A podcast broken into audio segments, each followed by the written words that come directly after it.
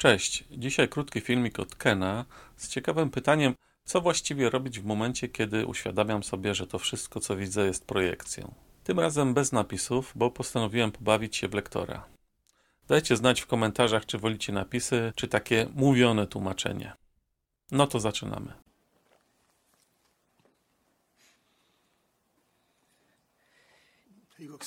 Wyglądasz tak poważnie. Nie zadawaj mi poważnych pytań.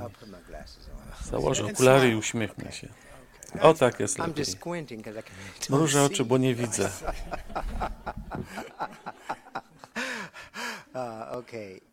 Jeśli jestem skłonny uwolnić te projekcje, których jestem świadomy, jeśli jestem świadomy o nich mówić, to które noszę w sobie,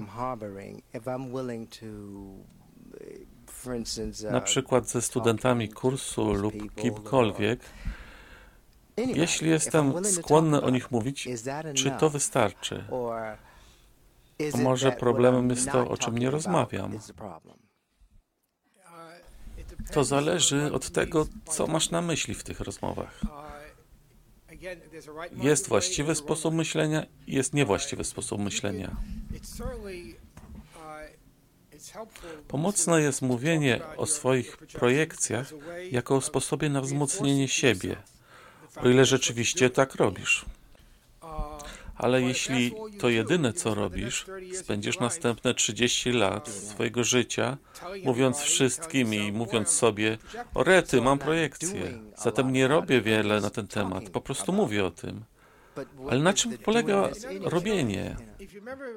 W sześciu etapach rozwoju zaufania w podręczniku dla nauczycieli drugi etap to umiejętność odróżnienia tego, co jest wartościowe, od tego, co jest bezwartościowe. Natomiast trzeci etap to ten, kiedy coś z tym robisz, kiedy pozwalasz odejść swojej inwestycji w to, co bezwartościowe. Zobacz różnicę pomiędzy byciem złym a przebaczającym, między żalem a uwalnieniem żalu. Jedno jest wartościowe, drugie bezwartościowe. Ale jeśli to wszystko zrobisz, lecz nie ma następnego kroku, czyli uwolnienia się od bezwartościowego, to w zasadzie kręcisz się w kółko. Najbardziej pomocne byłoby uznanie faktu, że dokonujesz projekcji. Często robisz to do ludzi, ale teraz chcesz po prostu użyć tego jako sposobu, by stało się dla ciebie tak jasne, co robisz, że uznasz to za paskudne i przestaniesz to robić. Zamiast poklepywać się po plecach, jak jestem wspaniały, tak naprawdę atakuję cię, ale wiem, że to robię i wiem, że to nie ty. Wiem, że cię atakuję, ale tak naprawdę to nie ty. I wiem, że cię atakuję, ale po prostu trwa to przez jakiś czas i stracisz wielu przyjaciół. Innymi słowy, dobrze jest zrobić to raz, może dwa razy, ale w pewnym momencie chcesz zaprzestać. To zależy od tego, jak robisz. Zauważyłem, że tak trochę się dzieje. To ten sam koncept, kiedy podkreślam bardzo duże znaczenie, aby patrzeć na ego i patrzeć na ego z Jezusem. Ale jeśli to wszystko, co będziesz robić, skończysz patrząc ciągle przez 30 lat. Chodzi o to, że kiedy patrzysz z Nim, to tak naprawdę patrzysz na kontrast. W kursie kontrast jest wszystkim. Przeciwstawiasz to, co wartościowe, z tym, co bezwartościowe. A kiedy to zrobisz, Nieuniknionym rezultatem jest to, że odpuścisz sobie bezwartościowe. Widzisz depresję, złość, niepokój, projekcję.